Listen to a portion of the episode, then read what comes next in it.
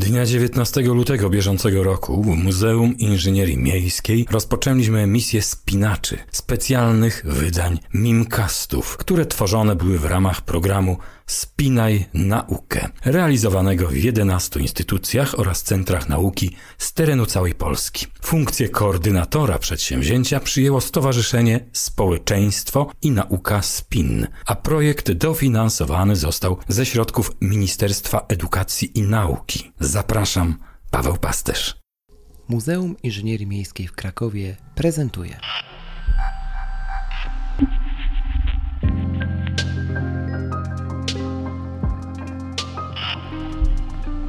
Mimcast. Miasto i my.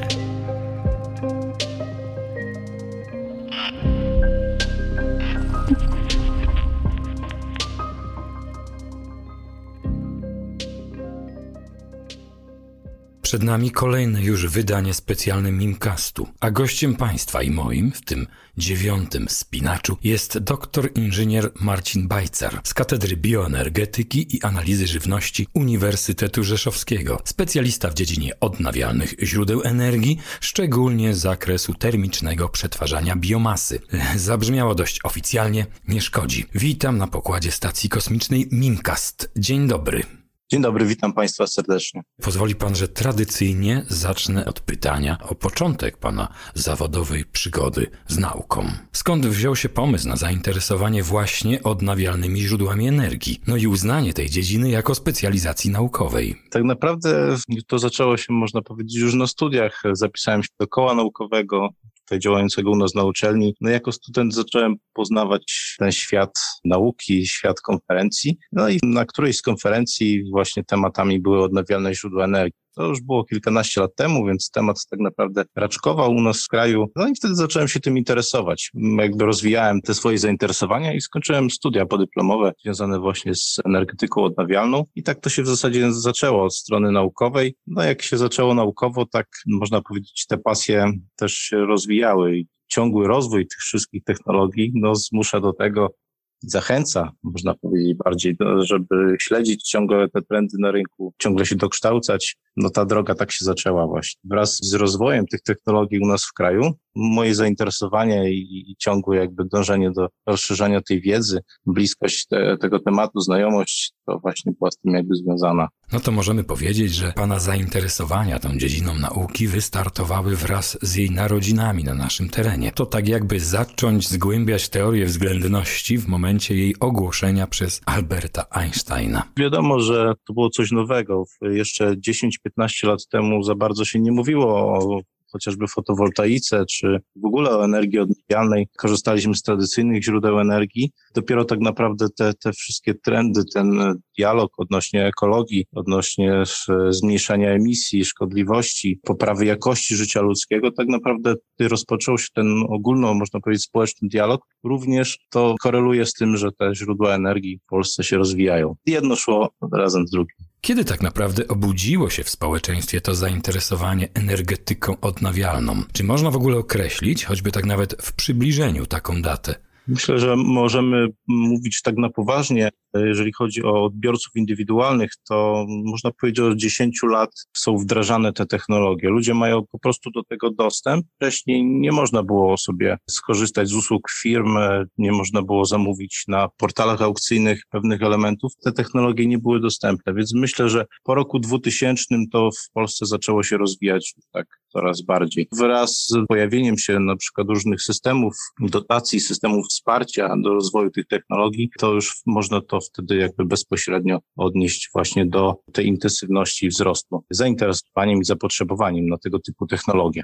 Odnawialne źródła energii to bardzo modne hasło ostatnimi czasy, często wręcz nadużywane. Trochę takie słowo klucz. Czym są tak naprawdę te odnawialne źródła energii? Zdaję sobie sprawę, że to temat złożony, no ale gdyby udało się sformułować taką definicję na potrzeby popularyzacji, od choćby dla młodego pokolenia, dla którego miejmy nadzieję kiedyś w przyszłości będzie to energetyczna codzienność. Ma Pan rację, temat jest bardzo szeroki i złożony. W skrócie można powiedzieć, że odnawialne źródła energii to są technologie produkcji energii, produkcji energii elektrycznej, energii cieplnej, które korzystają z źródeł ekologicznych, źródeł odnawialnych, które się nie kończą i przy okazji są przyjazne dla środowiska, nie emitują lub nie powodują emisji szkodliwych zanieczyszczeń, hałasu, z których możemy korzystać bez negatywnego oddziaływania na środowisko. Słońce, woda, wiatr. To co jeszcze mamy na tej liście? Jest jeszcze energia geotermalna i oczywiście biomasa, o której tutaj należy pamiętać. E, biomasa jest co do wielkości trzecim źródłem, największym źródłem energii odnawialnej na świecie. Tak naprawdę w Europie ciągle wiodącym, jeżeli chodzi o energii tej finalnej ze źródeł odnawialnych. W czasach młodości mojego pokolenia niezwykle popularnym zajęciem eksperymentalnym, można śmiało powiedzieć, była zabawa szkłem powiększającym, przez które przepuszczaliśmy promienie słoneczne, a skupiona wiązka światła wypalała dziury w papierze czy też w drewnie. Gdy w ręce wpadł miniaturowy fotorezystor, no oczywiście on w dzisiejszych czasach to byłby bardzo umownie miniaturowy, no ale wtedy wszystko wyglądało inaczej. Też fascynowało nas jego działanie. Światło i przemiany energii energetyczne. Czy można powiedzieć, że to były takie pierwsze sygnały techniczne przepowiadające to, co miało nadejść w przyszłości, no czyli dziś? Słynny cytat z literatury, ja przyznaję, że go bardzo lubię, mówi, że jutro to dziś, tyle że jutro. E, w zasadzie e, tak, od tego można powiedzieć, że się zaczęło. Od e, pozyskiwania energii ze słońca i wykorzystania tej energii. Jak wiemy, ten potencjał energii słonecznej, to co się dzieje na, na słońcu w wyniku reakcji jądrowych, które emitują jakby promieniowanie słoneczne, szukano rozwiązania, szukano pomysłu, jak wykorzystać tą energię. I ten przykład z soczewką, który pan wymienił, właśnie e, można powiedzieć takim pierwowzorem, czyli szukano rozwiązania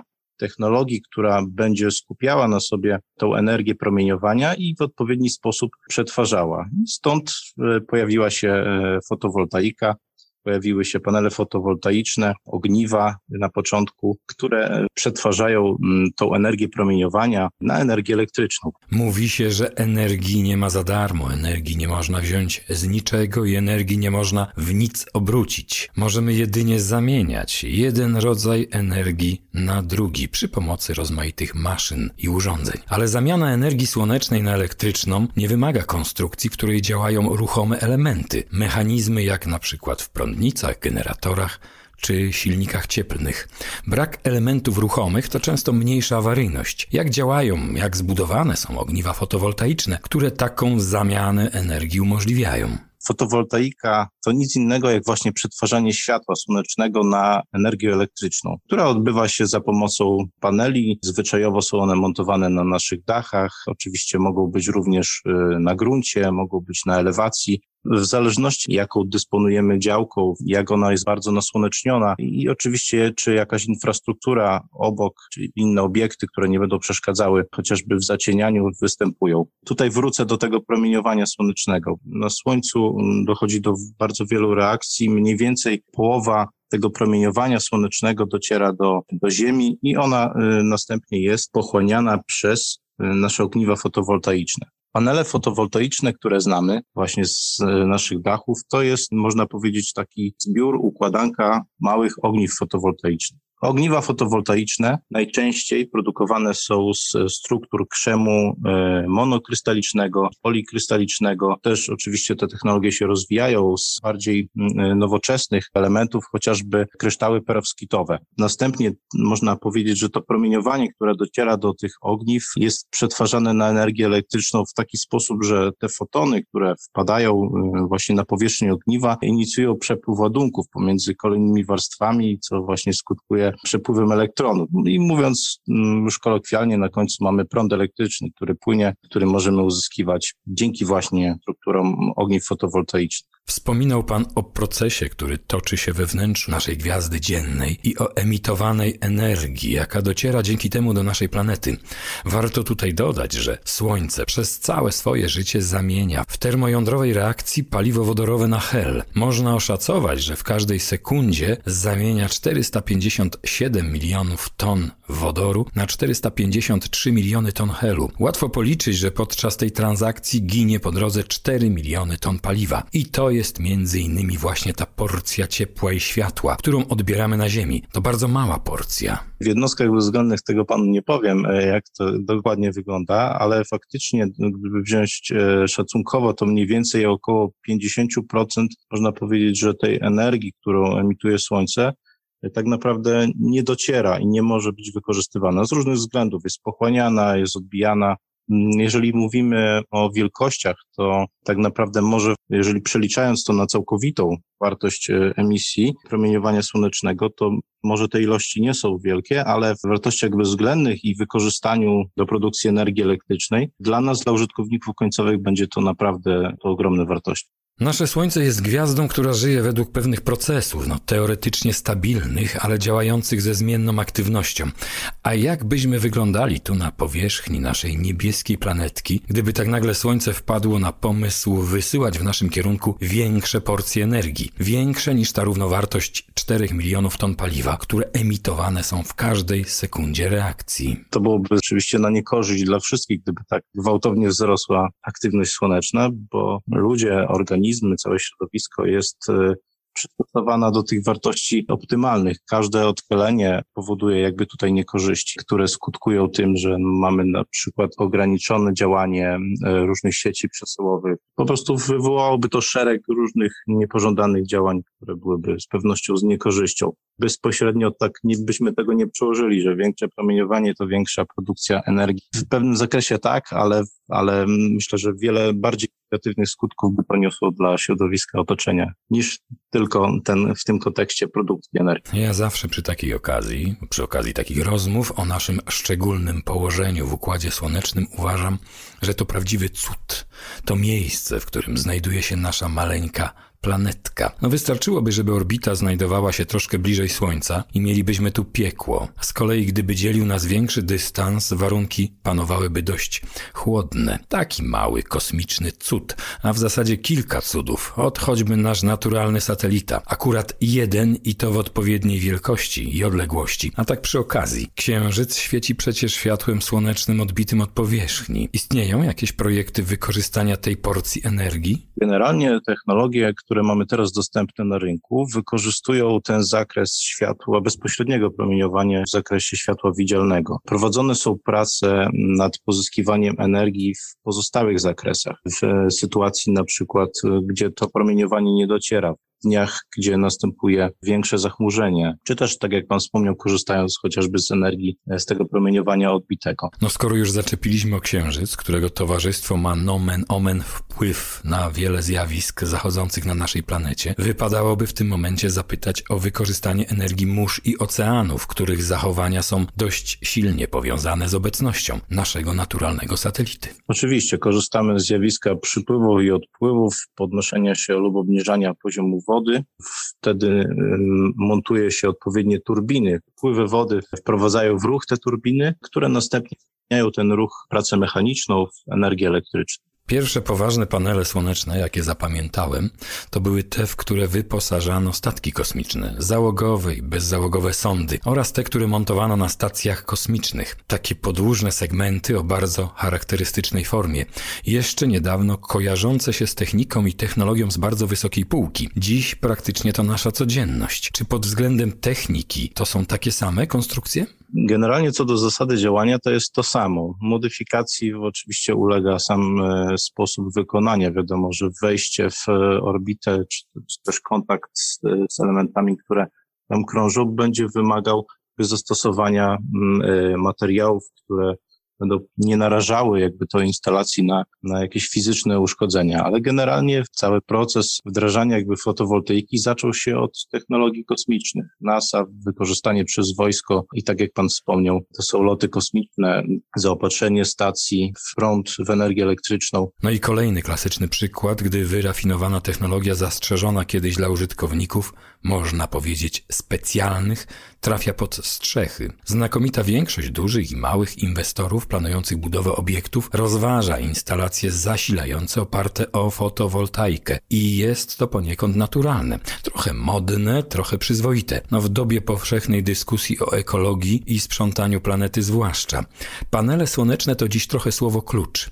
Ikona tej najczystszej energii. A jakie są tak naprawdę korzyści i czy są też ujemne strony przedsięwzięcia? No bo reklama i zyski ze sprzedaży to jedno, a rzeczywistość, nawet jeśli modna, to drugie. Raz to jest to, co Pan wspomniał, że generalnie ta instalacja nie wytwarza, nie emituje różnego rodzaju hałasów, zanieczyszczeń. E, nie ma tutaj jakby bezpośredniego przełożenia mechanicznej w, przy produkcji e, energii elektrycznej. Poza tym e, bardzo szybko się ją montuje. Kolejny jakby argument to są różnego rodzaju dotacje, z których ci użytkownicy, szczególnie gospodarstwa domowe, korzystają. To jest jakby dodatkowa zachęta do tego, żeby taką instalację posiadać. Plusem oczywiście jest też wpisanie się w ten trend eko. Chcemy pewien sposób pokazać światu, pokazać sąsiadom, sami przed sobą też udowodnić, że podejmujemy różnego rodzaju działania, aby iść e, w tym kierunku. Dodatkowo tak naprawdę te instalacje mają mm, szereg różnych zalet. Zacząłbym od kwestii związanych z ekologią, czyli ta niska szkodliwość dla środowiska. W momencie produkcji prądu ta instalacja nie emituje chociażby dwutlenku węgla, o którym się ciągle powtarza, nie ingeruje również w środowisko, nie wytwarza mm, różnych e, szkodliwych dla ludzi czy też zwierząt substancji. W czasie pracy nie powstają mm, również e, odpady.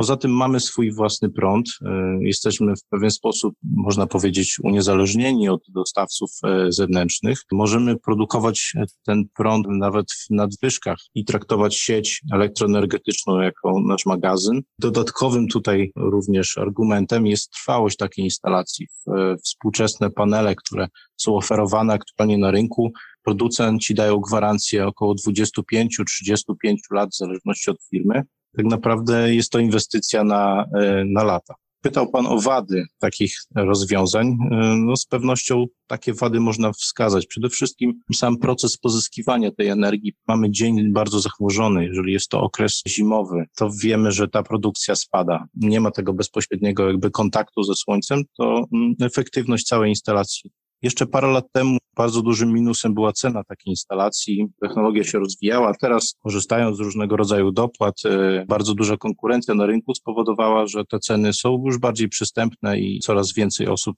może sobie pozwolić na finansowanie tego typu rozwiązań osoby, które jakby negują zasadność i e, korzystania z tego typu rozwiązań, bardzo często wskazują, że przy produkcji paneli fotowoltaicznych, ogniw fotowoltaicznych wykorzystuje się różnego rodzaju substancje, które tak naprawdę w momencie utylizacji będą stanowiły problem inwestycja w instalację fotowoltaiczną jest inwestycją na lata i tak naprawdę wszelkie plusy i minusy trzeba właśnie rozważać w perspektywie długookresowej. No bo zawsze chodzi o to, żeby te plusy nie przesłoniły minusów. A jak szacunkowo, jeśli można to w przybliżeniu określić, wygląda taka inwestycja? Podejrzewam, że do tego, aby zamienić wystarczającą ilość energii na własne potrzeby jeszcze mieć nadwyżkę jeden panelek na dachu albo w ogródku, raczej nie wystarczy. Czy naprawdę jest tak, że inwestycja zwraca się po rozsądnym czasie, a potem odcina się już tylko kupony od paska, nic nie trzeba wymieniać, nic się nie psuje i tak dalej. Czy daje ktoś w ogóle wieczną gwarancję na tego typu instalacje? No podejrzewam, że nie, że w grę wchodzą jedynie jakieś określone przedziały czasowe. E, oczywiście tutaj jest kilka kwestii, które trzeba brać pod uwagę. Przede wszystkim najefektywniejszym sposobem projektowania, później eksploatacji jest dobór do naszego e, zużycia energii. Osoba, która oferuje nam taką instalację, powinna dokładnie wyliczyć, jakie jest nasze zapotrzebowanie energetyczne. Oczywiście ono będzie wzrastać z roku na rok. Ta instalacja powinna być tak wymiarowana, żeby zaspokajała nasze potrzeby energetyczne lub w znacznym stopniu jakby niwelowała te różnice i, i potrzebę zakupu energii od y, dostawcy z zewnątrz. Oczywiście możemy w taką instalację mm, budować większą niż są nasze potrzeby. Wtedy trzeba liczyć się z dłuższym okresem zwrotu. Przyjmuje się, że do pięciu lat generalnie koszty takiej instalacji powinny się zwrócić. Bierzemy tutaj pod uwagę również to, że korzystamy z dotacji na taką instalację, więc to jest jakby dodatkowym atutem tutaj, jeżeli chodzi o tą ekonomię skorzystania i z funkcjonowania. Pan pytał o okres gwarancyjny gwarancyjny. No oczywiście nie wszyscy udzielają gwarancji, a w zasadzie chyba nikt nie udziela gwarancji w pełnym wymiarze eksploatacji. Najdłuższy okres gwarancyjny możemy uzyskiwać właśnie na panele, mniejszy już na inwerter, więc tutaj owszem, po jakimś czasie mogą się pojawić koszty, a może ich nie być. Jeżeli nie nastąpi jakaś awaria, to koszty związane z eksploatacją są naprawdę niewielkie. Niewielkie to znaczy jakie? Gdyby je tak porównać do kosztów ponoszonych w związku z użytkowaniem i eksploatacją tradycyjnej sieci elektrycznej obsługiwanej przez zakład energetyczny choćby. Myślę, że jest to nowa instalacja i zakupiona od pewnego dostawcy i nie kierowaliśmy się tutaj jedynie ceną, a, a również jakością, to w lata to będzie kilkadziesiąt złotych dosłownie rocznie. Po prostu, żeby zweryfikować poprawność działania tej instalacji. Później mogą się pojawić pewne koszty związane z chociażby, nie wiem, wymianą okablowania, szczególnie w miejscach narażonych na przyspieszone e, zużycie. No, ale to będzie pewnie maksymalnie e, kilkaset złotych. Mówię tutaj o większych przeglądach eksploatacyjnych. Panele fotowoltaiczne funkcjonują dziś znakomicie w krajobrazie, zwłaszcza w przestrzeni miejskiej, gdzie należą wręcz do elementów architektury. Ale jeszcze całkiem niedawno można je było spotkać tylko na zdjęciach statków kosmicznych, to o czym wspominałem wcześniej, no i w urządzeniach elektronicznych, na przykład w kalkulatorach, gdzie były bardzo innowacyjnym rozwiązaniem i e, zaryzykowałbym takie twierdzenie takim trochę zwiastunem przyszłości, która miała nadejść. A gdzie można znaleźć te urządzenia dziś, oprócz tych dachów i ogródków? Oczywiście tutaj e, ma Pan rację. Te kalkulatory to był taki początek w zasadzie. Zapytać kogoś, czy miałeś do czynienia z fotowoltaiką, wszyscy odpowiadają nie. E, a pytanie, czy masz w domu kalkulator? Tak, mam jednak e, pojawia się ten motyw. Tak naprawdę pomysł na wykorzystanie e, fotowoltaiki, czy na generalnie na pozyskanie tej energii słońca, jeżeli chodzi o tą technologię, pomysłów jest bardzo dużo. Tak naprawdę panel nie zawsze musi być sztywną ramką, elementem, który właśnie widzimy na dachu. On może przybierać różne formy. Może być nadrukowany, teraz mamy takie technologie, że nadrukowuje się po prostu ogniwa na wycieraczki, różnego rodzaju rolety, powstają szyby e, fotowoltaiczne, bardzo często często w, na różnego rodzaju miejscach użyteczności publicznej, typu przystanki e, autobusowe, również pojawiają się całe właśnie szyby fotowoltaiczne jako elementy elewacji budynków. Bardzo często i wiele osób korzysta w turystyce jako takie urządzenia przenośne do ładowania chociażby telefonów czy zestawów komunikacyjnych różnych. Są to też elementy bardzo często również, które dają się dopasować do otoczenia, różnego rodzaju maty fotowoltaiczne, tego typu podobne urządzenia i rozwiązania. No, w trakcie tej rozmowy przypomniałem sobie właśnie o panelach montowanych przy układach zasilających oświetlacze przejść dla pieszych, no czy choćby te rozmaite lampki i latarenki ogrodowe, które montujemy wokół rabatek, na balkonach i na tarasach. Dokładnie, to tych możliwości nie, tak naprawdę pochodzących z rynków azjatyckich jest tutaj bardzo dużo. Tak jak Pan wspomniał, różne elementy architektury ogrodowej, lampki, oświetlenie, pompki w jakichś oczkach wodnych. E, ten rynek jest bogaty w tego typu rozwiązania. Niedawno opracowałem taki miejski model układu słonecznego w skali. No nic specjalnego, bo tego typu układy buduje się przecież w miastach i naukowych centrach, ale planety w mojej wersji są zamknięte w takich stalowych puszkach, w których normalnie umieszcza się halogeny do oświetlania architektury, no i zabudowuje je w chodnikach, w powierzchniach chodników, dróg. Do oświetlenia wnętrz puszek i miniatur planet zastosowałem właśnie takie maleńkie panele z ogrodowych latarenek. No a puszki będą rozmieszczone w terenie, tworząc układ słoneczny w miniaturze. Idealnie czytelny, ale nie ingerujący w przestrzeń miejską, jak to jest w przypadku tradycyjnych modeli takich układów, czyli jakieś elementy wolno stojące, mała architektura, którą trzeba jakoś w tę przestrzeń wepchnąć i ona, one nie zawsze pasują. Bardzo ciekawy pomysł i myślę, że coś innego niż właśnie dotychczas można obserwować co z pewnością zainteresuje odbiorców. Miniaturowe panele w popularno-naukowej instalacji w przestrzeni miejskiej. Muzeum Inżynierii Miejskiej posiada na swoim terenie zainstalowane takie panele, z których są bardzo dumni. O, zatem możemy powiedzieć, i to będzie, drodzy Państwo, teraz taki ukłon w kierunku naszego gospodarza, że Muzeum Inżynierii Miejskiej jest eko, no i dba o środowisko.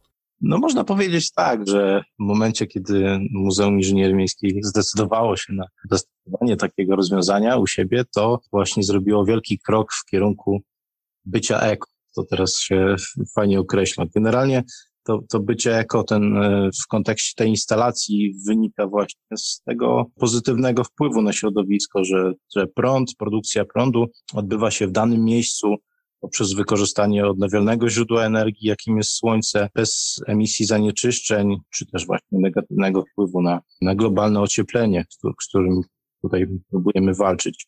Pięknie, zatem laurka została właśnie wydrukowana. Tak trochę skupiliśmy się na panelach, one nam zdecydowanie zdominowały tę rozmowę poświęconą odnawialnym źródłom energii, dlatego proponuję, żeby poświęcić nieco uwagi teraz innym urządzeniom, które także mocno nam ostatnio wrosły w krajobraz. Pierwszy generator wiatrowy, jaki ja kojarzę, to był chyba ten przy drodze do Warszawy z wielką reklamą Mentosa, wydrukowaną, naklejoną na kolumnie. Wiatr wieje, no to można sobie część tej energii zamienić zamienić na elektryczną. Farmy wiatrowe istotnie wyrastają jak ogromne grzyby po deszczu.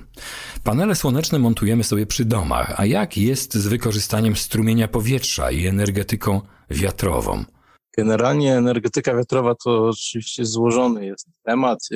Najczęściej, tak jak Pan wspomniał, kojarzy się z dużymi wiatrakami, z obiektami, które mają kilkanaście, kilkadziesiąt metrów, e, wielkie łopaty i faktycznie e, ich praca powoduje emisję e, różnego rodzaju szumów, hałasów, e, przeszkadza w życiu okolicznych mieszkańców. Bardzo często się z tym spotykamy. Przeszkadza też również w migracji ptaków. E, no, tych historii jest naprawdę bardzo dużo. Tutaj tak naprawdę dla osób, które mogą korzystać bardziej w takiej formie dostępnej. Te firmy zajmujące się produkcją energii elektrycznej z energii wiatrowej przygotowują szereg różnych rozwiązań. I są to zwykle małe wiatraczki, gdzie ta e, moc jest no, oczywiście zdecydowanie mniejsza, i też ta różnorodność, e, budowa, kształt jest naprawdę duża. Wspomniał Pan o wcześniej przy okazji pytania o różne formy wykorzystania paneli fotowoltaicznych, o tym oświetleniu, przejść dla pieszych dróg, bardzo często widzimy e,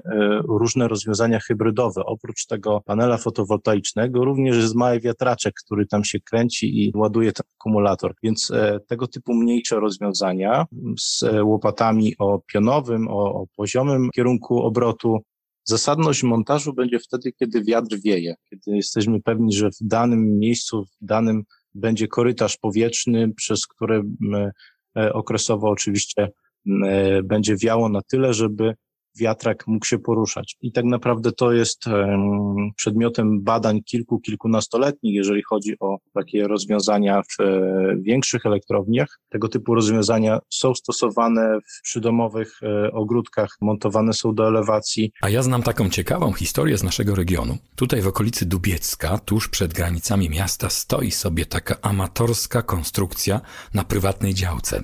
Wygląda jakby ją pomysłowy Dobromir poskładał z luźno dobranych elementów które akurat znalazł w szopie. Całkiem spory wiatrak zbudowany gospodarskim sposobem. Stoi sobie od lat całkiem nieruchomy. No i wiąże się z nim taka historia, że został on podobno zbudowany. Y, nie wiem, czy udało się go wykorzystać, bo przepisy nie pozwoliły na eksploatację. Nie wiem, czy jest to tylko lokalna legenda miejska, czy istotnie był taki precedens, ale jak to jest z takimi pomysłami na własną elektrownię? Da się od tak po prostu zbudować i używać, czy raczej jest to trudne? Ja przejeżdżałem tam i widziałem ten wiatrak kiedyś, to wygląda trochę tak jak na tych amerykańskich filmach, gdzieś tam na farmie stoi taki wiatraczek. Tyle, że pan e, faktycznie chyba jakimś swoim domowym sposobem to robił i nie, nie, do końca on pewnie byłby certyfikowany. Tutaj oczywiście są e, różnego rodzaju regulacje, chociażby mówiące o wysokości, o, o odległości od granicy działki e, i w zależności od, od mm, jakby mocy tego wiatraka ja osobiście, gdybym decydował się na takie rozwiązanie, to raczej skorzystałbym z, e, zakupiłbym po prostu taki wiatrak w firmie, która zajmuje się profesjonalnie wytwarzaniem, ale tak jak pan wspomniał, takich, e, jest wiele takich osób, które no, same eksperymentują i e, bawią się właśnie w produkcję prądu. No, eksperymentowanie ma przyszłość i to w każdej skali. A nawiązując do tych amerykańskich wiatraków, to one zdaje się są mechanicznymi pompami zasilającymi w wodę zbiorniki, takie wieże ciśnień do nawadniania pól, które zazwyczaj w sąsiedztwie tych wiatraków się znajdują. Tak mi się coś wydaje, że tak to działa, że nie jest to urządzenie do zamiany energii wiatru na elektryczną, tylko zamiany energii mechanicznej na mechaniczną, ale w innym celu troszeczkę. Tak, generalnie tak. A, a pierwsze wiatraki to były właśnie wykorzystywane w młynach, prawda? Oprócz tego, że przy młynie płynęła rzeczka, która napędzała koło, to jeszcze był wiatrak, który jak wiało, również był tym elementem energii mechanicznej dla, no, dla tego młyna. Tak, oczywiście, wiatraki to kawałek pięknej historii techniki i patent na energetyczną przemianę. Wykorzystanie siły wiatru do wykonania pracy. Klasyka, która niestety z naszego krajobrazu zniknęła. Chociaż jeszcze jakieś 10 lat temu, podczas realizacji serii radiowych programów pod tytułem Wakacyjne spotkania z techniką, miałem okazję odwiedzić tego typu konstrukcje i to tu, na Podkarpaciu. A może by tak wykorzystać do zamiany, tym razem nie energii, ale funkcji.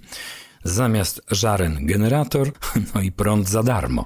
Pewnie by to działało, tylko czy, czy w ogóle jest sens takiej ingerencji? To, co jest piękne, zabytkowe, nie zawsze da się połączyć, albo nie zawsze powinniśmy łączyć z takimi innowacjami. No dobrze. Słońce świeci, wiatr wieje, woda płynie. No to może na koniec jeszcze i o tym żywiole, i o energii z wody. Takie konstrukcje też są przecież popularne. Oczywiście robi się i e, energetyka wodna również ma swoje e, znaczące miejsce. Problem jest w tym, że jest to już zdecydowanie droższa energia w pozyskiwaniu, w sensie, że cała infrastruktura do pozyskiwania tej energii będzie generowała spore koszty. No tutaj w okolicy najpopularniejszą taką elektrownią jest elektrownia Solina. Zbiornik oprócz walorów rekreacyjnych, przeciwpowodziowych, to jednym z głównych funkcji jest pozyskiwanie energii z wody. Jest to elektrownia szczytowo-pompowa, jedna z e, typów elektrowni, gdzie spadek wody powoduje ruch turbiny, która następnie tą pracę mechaniczną zamienia na energię elektryczną. Są mniejsze elektrownie, oczywiście tam, gdzie można to wykorzystywać w sposób jakby naturalny. Mówię tutaj o spadku terenu lub y, jakichś zaporach. Taki zbiornik jak Solińskie Morze to nie tylko wspaniały teren rekreacyjny, ale także magazyn energii. No i to całkiem spory magazyn. Słońce, woda, powietrze, odnawialne źródła energii. Czy można z tego ulepić coś mm, ponadnormatywnego? Inaczej mówiąc, połączyć z jakimś innym typem popularnej działalności dla zbudowania nowej, wymiernej wartości. Wykorzystując różnego rodzaju odnawialne źródła energii, tak praktycznie wpisując je w e, trendy w budownictwie, ostatnio mówimy o budownictwie tak zwanym plus energetycznym, które de facto zapewnia nam niezależność energetyczną. Do tej pory znaliśmy budynki niskoenergetyczne, pasywne, takie, które wykorzystywały w swoim położeniu, kształcie, technologiach dodatkowo możliwość pozyskiwania energii. Te budynki plus energetyczne oprócz tego, że zaspokajają nasze potrzeby, jeżeli chodzi o produkcję energii elektrycznej czy energii cieplnej, możemy wyprodukować więcej energii niż e, de facto potrzebują jego mieszkańcy. I w Polsce generalnie jest to realizowane za pomocą właśnie energii elektrycznej, stąd też mm, ciągle wzrastająca popularność e, paneli fotowoltaicznych. W krajach europejskich to jest różnie, bo i fotowoltaika, i właśnie energia wiatru. Oczywiście oprócz samych źródeł odnawialnych y, trzeba kierować się pewnymi wytycznymi, odpowiednią konstrukcją budynku, usytuowanie na działce, musimy korzystać z walorów, które niesie nam otoczenie. E, nasłonecznienie tej działki powinniśmy również, projektując taki dom, umiejscawiać poszczególne pomieszczenia naszego budynku, kierując się właśnie tymi wytycznymi. Tam, gdzie jesteśmy, więcej czasu spędzamy, potrzebujemy cieplejszego pomieszczenia, tam, gdzie świeci słońce. Od e, części północnej, części wschodniej możemy na przykład lokalizować garaż, kotłownię, te pomieszczenia, w których rzadko przebywamy. Myślę, że to jest trend, który ciągle się rozwija. Takie budynki z pewnością nie należą do najtańszych, ale e, odpowiednio myślę, że skonfigurowane wraz z rozwojem tej technologii zarówno, bo coś nowego to zawsze jest drogie. Kiedy więcej firm zaczyna oferować te usługi, wtedy ceny oczywiście spadają. Myślę, że również będzie tak samo w tym przypadku. No i elegancko. Zaczęliśmy od słońca, przedmuchali strumienie wiatru, dolali wody. Myślę sobie, że pewnie moglibyśmy dołożyć jeszcze i inne aspekty odnawialnych źródeł energii, inne jej rodzaje, no ale nie sposób w krótkiej audycji opowiedzieć o wszystkim. Na koniec przypomniał mi się śmieszny, no ale dość innowacyjny pomysł, o którym przeczytałem jakiś czas temu w prasie popularno-naukowej. Pomysł dotyczył ciekawego systemu zasilania w energię oświetlenia w jednym parku. I zdaje się, że to było w Anglii. Pomysł banalny, ale naprawdę na czasie. W parku, który nawiedzają tłumnie właściciele psów ze swoimi pupilami, zamontowano elektrownię, której podstawą działania był biogaz, a biogaz powstawał z, no, właśnie, z psich odchodów. Wystarczyło tylko posprzątać po swoim czworonogu, a y, produkt wyrzucić do specjalnego zbiornika i zamieszać. Korzyść naprawdę wielopłaszczyznowa, a jaki efekt? Y, czysta energia z brudnego źródła. E, nie słyszałem o takim projekcie, ale również zgadzam z Panem, że, że tego typu jakieś lokalne działania, lokalne rozwiązania to jest tak naprawdę przyszłość i do tej pory skupialiśmy się na dużych elektrowniach, na rozwiązaniach, które zajmują ogromną powierzchnię, do której funkcjonowania potrzeba bardzo dużej infrastruktury, a tak naprawdę przyszłość e, wydaje mi się, że niesie rozwiązania, które bardziej będą promowały lokalny rozwój rynków energii, co również teraz bardzo często jest powtarzane, że rozwija się fotowoltaika czy inne źródła energii, nie jesteśmy gotowi chociażby z siecią elektroenergetyczną. Myślę, że wszelkie takie pomysły, o których Pan wspomniał, powinny być promowane i jak najbardziej zachęcać lokalnych włodarzy, e, lokalnych działaczy do tego, żeby tego typu rozwiązania stosować. Może one w niektórych przypadkach wywołują pewną śmieszność, ale efekt jest taki, który Pan wspomniał. Mamy oświetlenie naszego parku za darmo. I tak właśnie, drodzy Państwo, udało nam się śmiesznie, choć za darmo, zamknąć tę naszą pogawędkę o czystej energii, o sposobach na energię odnawialną w dziewiątym wydaniu specjalnego Mimcastu. Marcin Bajcar. Dziękuję serdecznie za poświęcony czas i rozmowę. Serdecznie dziękuję, pozdrawiam. Do usłyszenia. Do usłyszenia.